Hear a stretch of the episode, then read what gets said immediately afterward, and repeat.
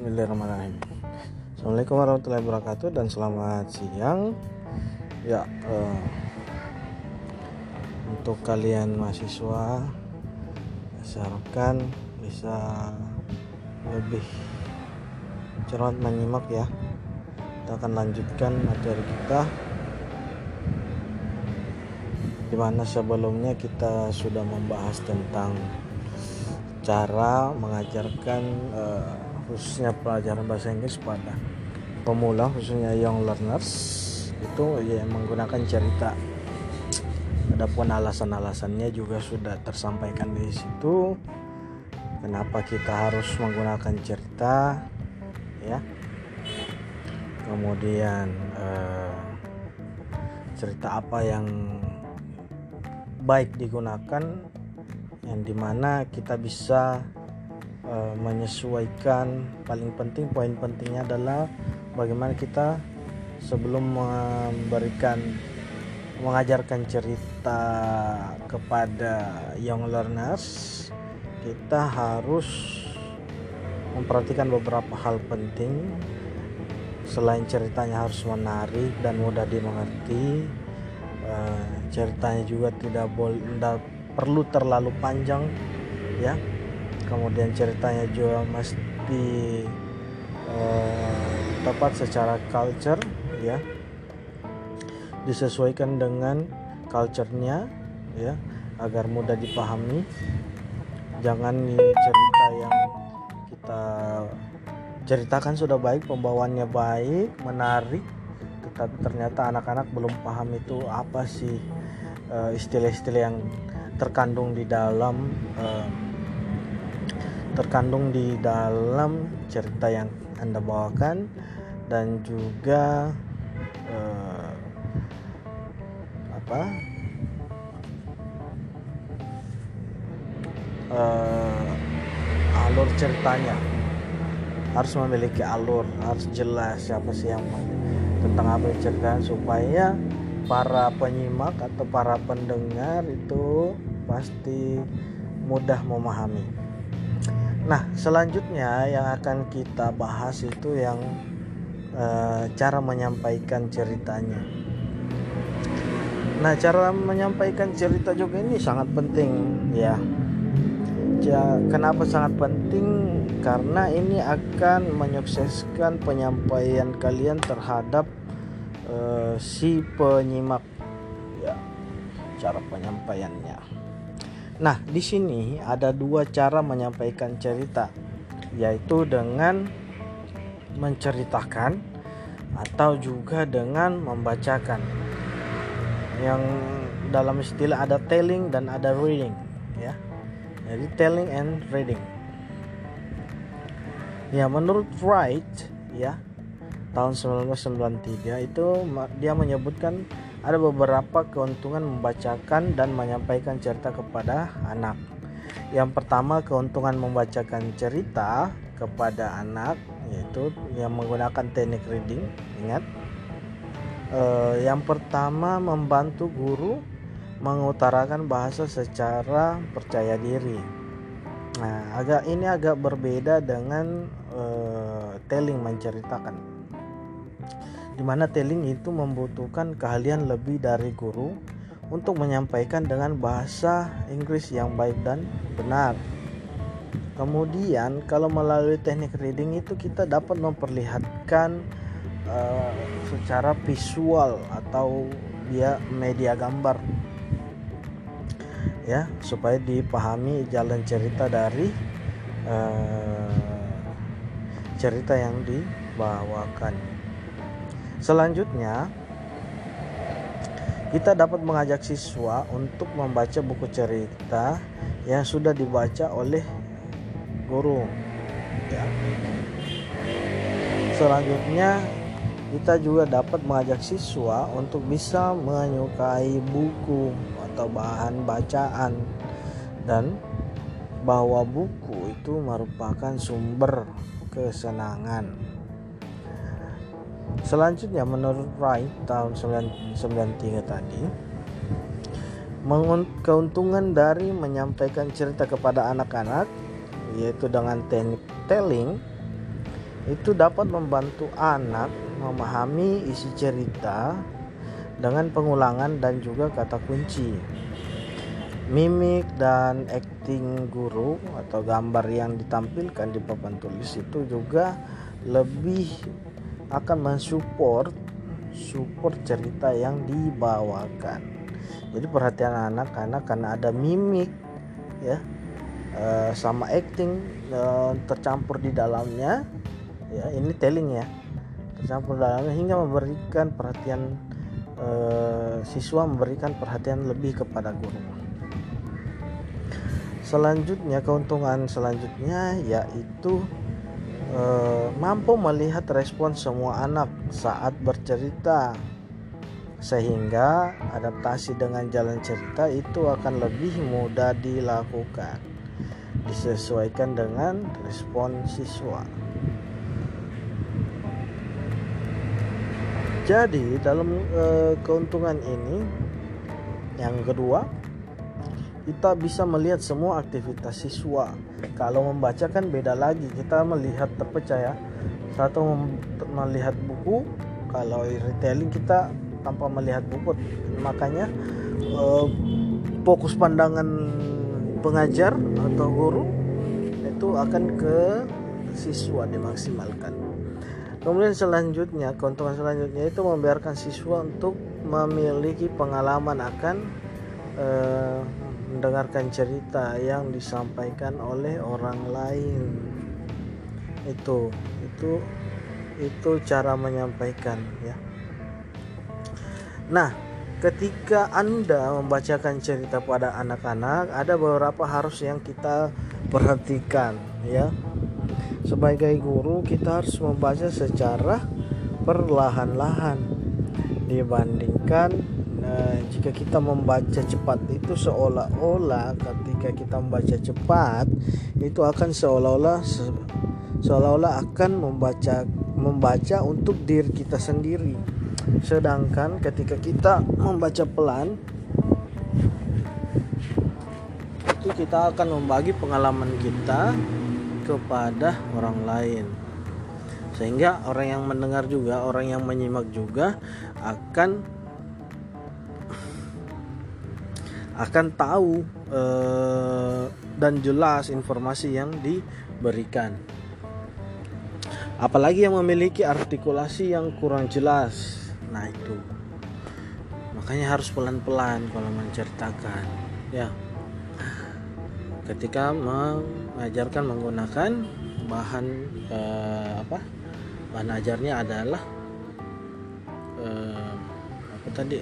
Cerita selanjutnya yang perlu kita pertimbangkan adalah kita harus sering-sering menanyakan kepada siswa apakah mereka mengerti jalan cerita yang dibacakan atau diceritakan? Dan untuk mempertahankan situasi agar tetap kondusif eh, sesekali berhenti untuk memberikan kesempatan siswa menebak jalan cerita berikutnya ya ada itu biasa mungkin yang sering dengar siswa menebak cerita yang atau menyambung kata. Kayak contoh per siswanya jawab gi kayak gitu. Jadi oh ada je perhatian seperti gitu. Selanjutnya yang perlu kita perhatikan ketika membaca adalah eh, kita harus memperlihatkan gambar yang ada di dalam buku ini dalam teknik membaca uh, dalam buku dan juga menghubungkannya dengan cerita sehingga uh, siswa dapat menebak dari kata gambar arti kata yang diutarakan. Nah, pada saat kita bercerita, ya, menceritakan cerita, telling a story, jadi uh, saat menceritakan cerita itu bukanlah membacakan cerita tanpa melihat buku. Artinya, guru tidak menghafal cerita dan juga menyampaikan secara sederhana kepada siswanya, tapi juga eh, sebagai guru harus mengetahui isi cerita tersebut secara baik sehingga ketika dia menceritakan kepada siswanya cerita tersebut itu akan terlihat hidup nyata dan juga seakan-akan e, dapat dilihat. Nah, dapat dilihat dan juga dibayangkan oleh siswanya. Jika ini terjadi maka si pendengar seakan-akan terlibat masuk ke dalam cerita tersebut. Nah, ada beberapa hal yang perlu kita perhatikan saat melakukan storytelling. Nah, yang pertama kita harus melakukan gerakan tubuh atau gesture. Ya, gerak tubuh, intonasi, demonstrasi, aksi dan berbagai ekspresi untuk menyebutkan arti apa yang sedang ia katakan yang kita perlu perhatikan selanjutnya adalah sebagai guru kita bisa bebas menambah kata atau mengubah frase dan kalimat bila bila dianggap akan mengakibatkan munculnya kesan menarik bagi siswa. Dan sebagai guru juga kita bisa bebas menanyakan pertanyaan untuk menjaga perhatian siswa agar tetap terfokus dan mencegah dari salah paham. Selanjutnya adalah eh, guru dapat menggunakan alat bantu visual seperti wayang, boneka, atau gambar yang memperkenalkan kepada tokoh-tokoh atau eh, karikatur atau ya apalah binatang-binatang gitu kalau ada. Selanjutnya eh, guru lebih baik itu tidak memegang buku atau mempersiapkan catatan-catatan kecil ketika melakukan storytelling ya. Jadi fungsinya itu supaya ya seperti yang saya katakan sebelumnya bahwa fokus kita memang supaya cerita ini tersampaikan kepada siswa. Jadi kita bisa mengontrol juga siswanya walaupun mungkin membaca mungkin ada kata beberapa kata kunci ya yang kita bisa kembangkan. Jadi kata kunci itu bisa kita kembangkan sendiri untuk membentuk ide cerita. Yang penting tahu alur ceritanya seperti apa makanya harus dipahami dulu.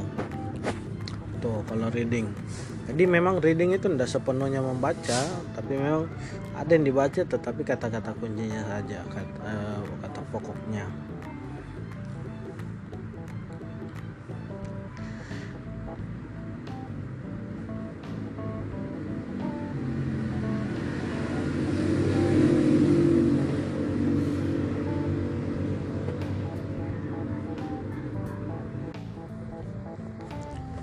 Oke. Okay selanjutnya uh, ini ada beberapa contoh ketika kita ingin merencanakan pengajaran. Jadi uh, ada aktivitas bahasa dengan cerita Goldilocks and the Three Bears.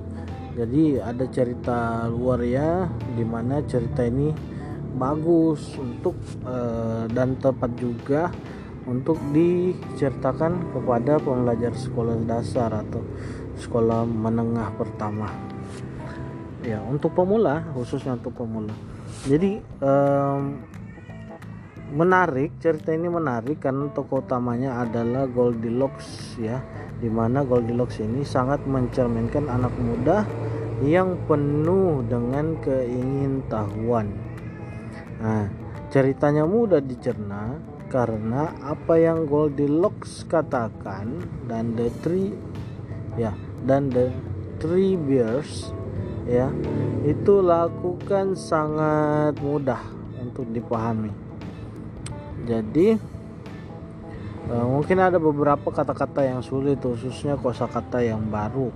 Namun secara keseluruhan siswa yang dipastikan tidak akan menemui menemui apa ya permasalahan dalam e, memahami cerita itu untuk masalah kosakata, eh, guru dapat menggunakan atau mengganti kosakata tersebut ya dengan kosakata yang sulit eh, menjadi kosakata yang lebih mudah dipahami. Nah, Goldilocks dan The Three Bears ini dapat kita tindak lanjuti dengan berbagai aktivitas pembelajaran. Nah, untuk story eh, untuk story readingnya, Goldilocks dan Three Bears itu mungkin cukup panjang, namun untuk eh, guru dapat menyiasati, jika guru dapat menyiasati dengan membagi membagi cerita tersebut ke dalam dua ataupun tiga bagian. Sedangkan untuk storytelling itu eh, harus bergantung betul sama oleh guru. Ya untuk Goldilocks dan Goldilocks and the Three Bears ini tidak eh, untuk kultur tertentu ya. Goldilocks and the Three Bears itu memiliki tahap awal yang jelas sebagaimana dapat kita lihat dari ekspresi yang uh, digunakan ya seperti kalimat once upon a time there were three birds that lived in a house in the woods. One of the birds was papa bears and one was baby bears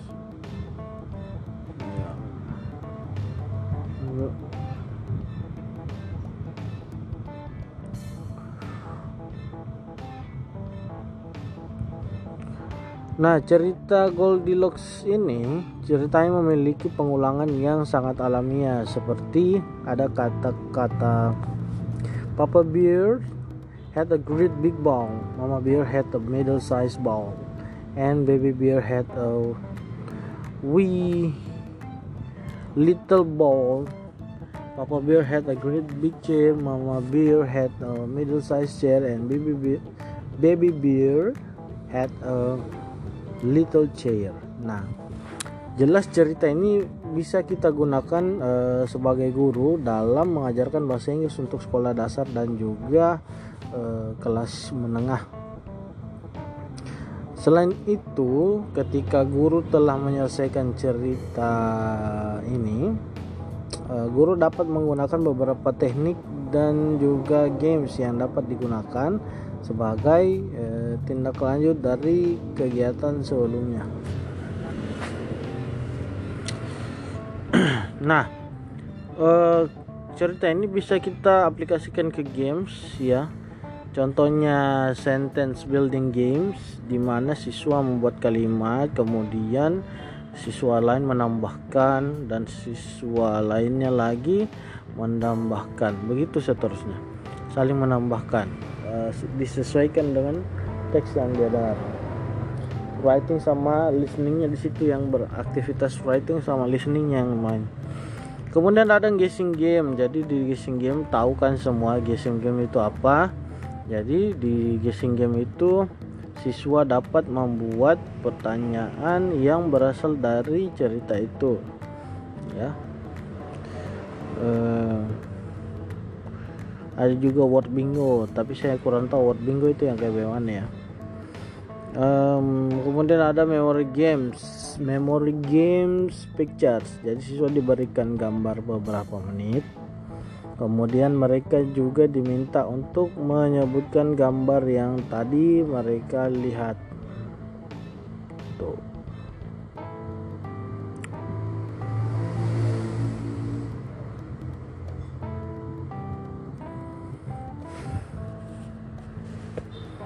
kemudian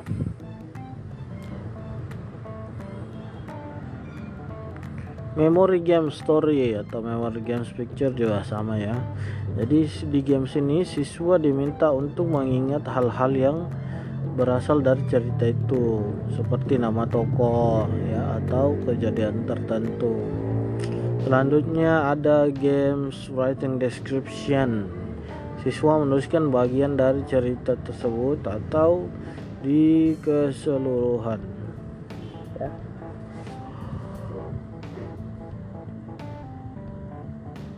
ada lagi letter atau note writing. Siswa game ini siswa mencatat hal-hal yang penting kemudian dibuatkan kuis. Atau ada juga game sing a song menyanyikan cerita dan sesuka hati atau mencari lagu yang pas dengan isi cerita. Selanjutnya dictation. Mendikte ya. Tahu writing description karakter juga tahu. And then writing utterance in bubbles. Itu mengisi gelembung-gelembung eh, dialog yang setelah cerita dituangkan pada bentuk gambar. Ini sebenarnya ada beberapa cerita pendek tapi tidak usah ya menurut saya panjang sekali. Cukup bawakan saja materi itu ya. Hmm, iya. Kayaknya ini adalah materi terakhir deh. Uh, untuk pertemuan ke-14 ini 14 berapa ya? 13 ya. Jadi 13 ya yang tadi itu sebelumnya adalah pertemuan yang ke-12 nah ini 13